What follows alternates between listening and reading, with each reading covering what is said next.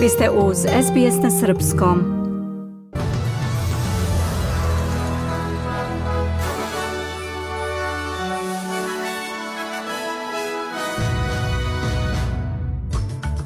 Premijer Antoni Albanezi i opozicioni lider Peter Dutton su pod pritiskom da promene poreske olakšice na investicione nekretnine – Predsednik Sjedinjenih američkih država Joe Biden je rekao premijeru Benjaminu Netanjahu da Izrael ne treba da nastavi sa napadom na Gazin južni grad Rafa.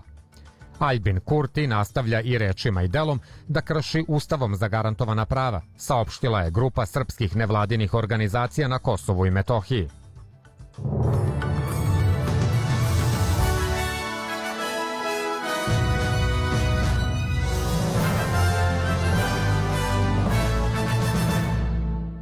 Premijer Australije Antoni Albanezi i opozicioni lider Peter Dutton su pod pritiskom da promene poreske olakšice na investicione nekretnine. Izgleda da će poreske reforme dominirati političkom debatom na današnjem zasedanju federalnog parlamenta. Zeleni predlažu pravilo koje će investitorima dopustiti da imaju pravo da traže poreska potraživanja na gubitke na samo jednu investicionu nekretninu po osobi – Međutim, i vlada i opozicija su to odbili. Gospodin Antoni Albanezi kaže da njegova vlada ima tačnu poresku smernicu, a gospodin Daton se tome protivi zbog toga jer on ne zna kako drugačije da uradi to. All 13.6 million taxpayers will get a tax cut and 84% of Australians will get a higher tax cut. Svih 13,6 miliona poreskih obveznika će dobiti poresku olakšicu, a 84% australijanaca će dobiti veću poresku olakšicu. Peter Dutton želi o svemu ostalom da priča, osim o onome što se događa. On želi da priča o onome što se ne događa. Peter Dutton želi da australijanci rade duže za manje. Ono što Peter Dutton želi su manje plate, veći porezi na niska i srednja primanja australijanaca i da nastavi da smanjuje bilo koje reforme koje su napravljene u interesu radnog naroda.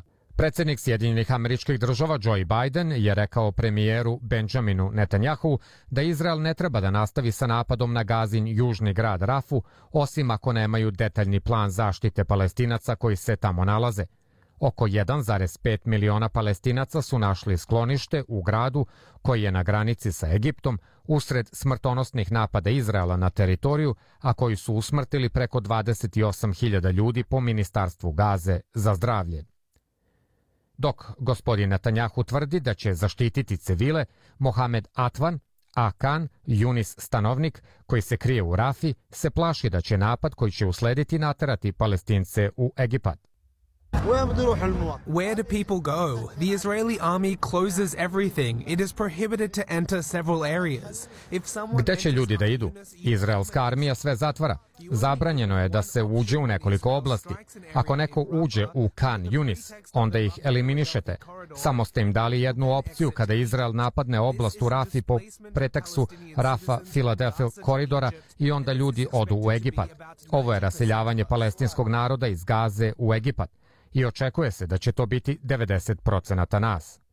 Port parol Kremlja, Dmitri Peskov, kaže da je američki novinar Tucker Carlson sam predložio da uradi intervju sa Vladimirom Putinom i da je ruski predsjednik na to prilično brzo pristao.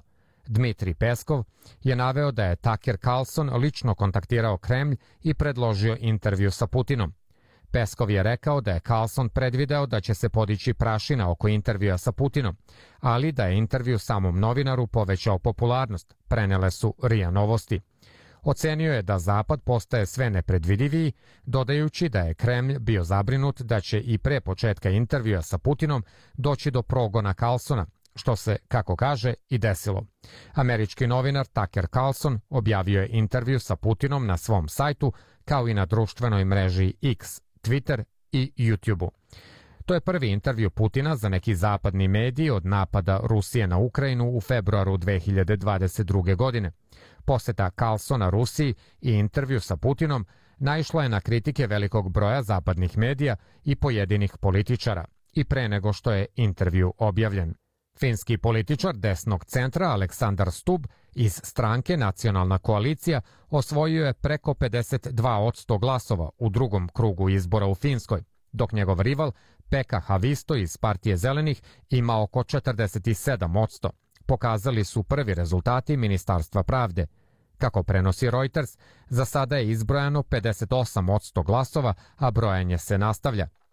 Prvi krug izbora održan je 28. januara, a tada je Stub imao najviše glasova, dok je Havisto bio drugi. Pošto ni jedan od kandidata nije prešao 50% glasova, održan je i drugi krug izbora.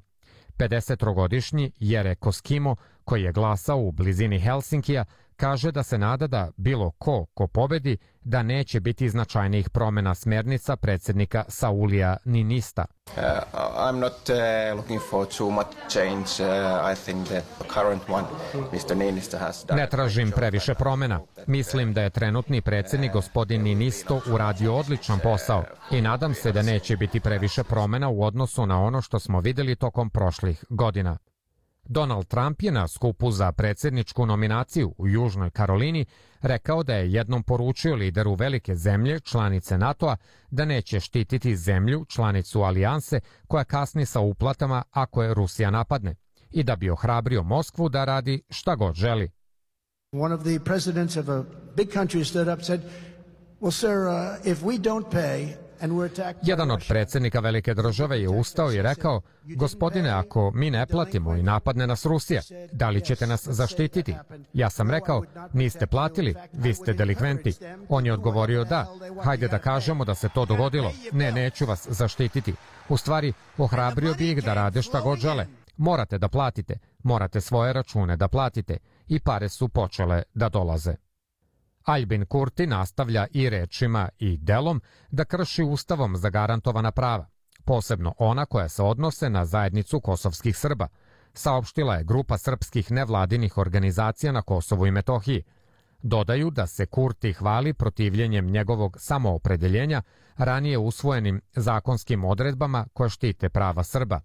Saopštenje povodom jučerašnjih izjava Aljbina Kurtija i pokreta samoopredeljenje, čiji je Kurti predsednik, potpisuju Aktiv, Centar za zastupanje demokratske kulture, Institut za teritorijalni ekonomski razvoj i Nova društvena inicijativa. Kurti, ističu predstavnici nevladinih organizacija, mora da podržava i štiti pravni okvir koji se odnosi na nevećinske zajednice ili druge oblasti javnog života, a sveobuhvatni predlog za rešenje statusa Kosova bio je praktičan odgovor međunarodne zajednice na dramatične demografske promene i nasilno proterivanje 1999. i 2004. godine koje je dovelo do istiskivanja zajednice kosovskih Srba iz svih urbanih područja. Predsednik Srbije Aleksandar Vučić ugostiće danas premijera Grčke Kirjakosa Mitsotakisa koji će boraviti u radnoj poseti Beogradu. Tokom posete Mitsotakisa biće održan Srpsko-grčki poslovni forum.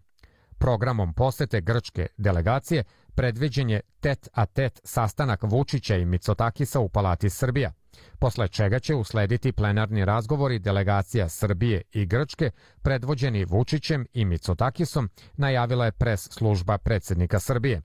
Predsednik Srbije i premijer Grčke obratit će se potom i medijima. Privredna komora Srbije će uz podršku ambasade Grčke u Srbiji u okviru posete Grčke državno-privredne delegacije organizovati Srpsko-grčki poslovni forum i predstavljanje razvojnih projekata Srbije. Suočavajući se sa krajnje teškom situacijom za srpski narod na Kosovu i Metohiji, eparhija Raško-Prizrenska uputila mu je apel da u ovim trenucima pokaže dostojanstvo, hrabrost, snagu, narodno jedinstvo i trpljenje – Vekovima smo upravo na ovim evanđelskim principima i vernosti Bogu i našem svetosavskom predanju sačuvali i veru, i jezik, i svoje ime i sećenje, okupljujući se u našim svetinjama, ostajući verni zavetu svetoga kneza Lazara, koji je od univerzalnog značaja za sve u svetu, da je za malena zemaljsko carstvo, a nebesko od sada i doveka. Navodi se u apelu srpskom narodu na Kosovu i Metohiji. Eparhija Raško-Prizrenska objašnjava da to nije samo obična fraza, već duboka istina, te da su prošla mnoga carstva, ali crkva Hristova koju čine nje narod sa sveštenstvom i monaštvom ostala je i opstala i dan danas se njegovo ime slavi širom sveta.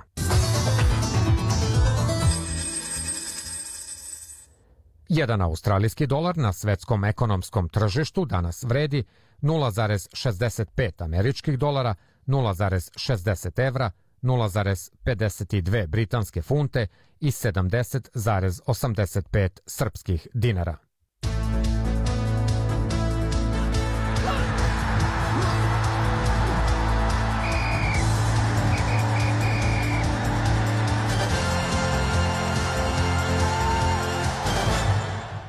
Košarkašice Srbije izgubile su u brazilskom Belemu od Australije 75 prema 73 u poslednjem meču kvalifikacija za olimpijske igre, ali su se ipak kvalifikovale za olimpijske igre u Parizu, jer je u drugom meču Nemačka pobedila Brazil sa 73 prema 71. Košarkaši Partizana savladali su na gostovanju ekipu Igoke rezultatom 98 prema 52 u meču 20. kola ABA lige. Košarkaši Crvene zvezde pobedili su u Beogradu ekipu Zadra rezultatom 93 prema 54 u utakmici 20. kola regionalne ABA lige. Futbaleri Obale Slonovače osvojili su kup afričkih nacija na domaćem terenu pobedom u finalu nad Nigerijom rezultatom 2 prema 1. United je u gostima bio bolji od Aston Ville sa 2 prema 1 a vaterpolisti Srbije sutra od 17 časova po srednjeevropskom vremenu igraju protiv selekcije Hrvatske utakmicu četvrtfinala svetskog prvenstva u Dohi. Kenijski atletičar Kelvin Kiptum, svetski rekorder u maratonu, poginuo je u saobraćajnoj nesreći. Opširnije i detaljnije o sportu u sportskom prilogu nakon vesti. Sledi vremenska prognoza koja nas danas do kraja dana očekuje po najvećim gradovima Australije. U Sidneju će biti 29 stepeni i uglavnom sunčano vreme, u Melbourneu 35 stepeni i sunčano, u Brisbaneu 29 stepeni povremene padavine, u Pertu 35 stepeni i sunčano, u Adelaidu čak 38 stepeni i sunčano vreme, u Hobartu 27 stepeni i delimično oblačno, u Kamberi 30 stepeni i sunčano vreme, a u Darwinu 31 stepen, pljuskovi i moguća oluja. Ovo su bile vesti SBS programa.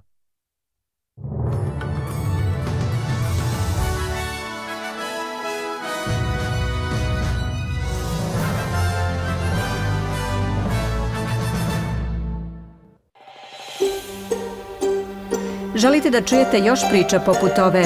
Slušajte nas na Apple Podcast, Google Podcast, Spotify ili odakle god slušate podcast.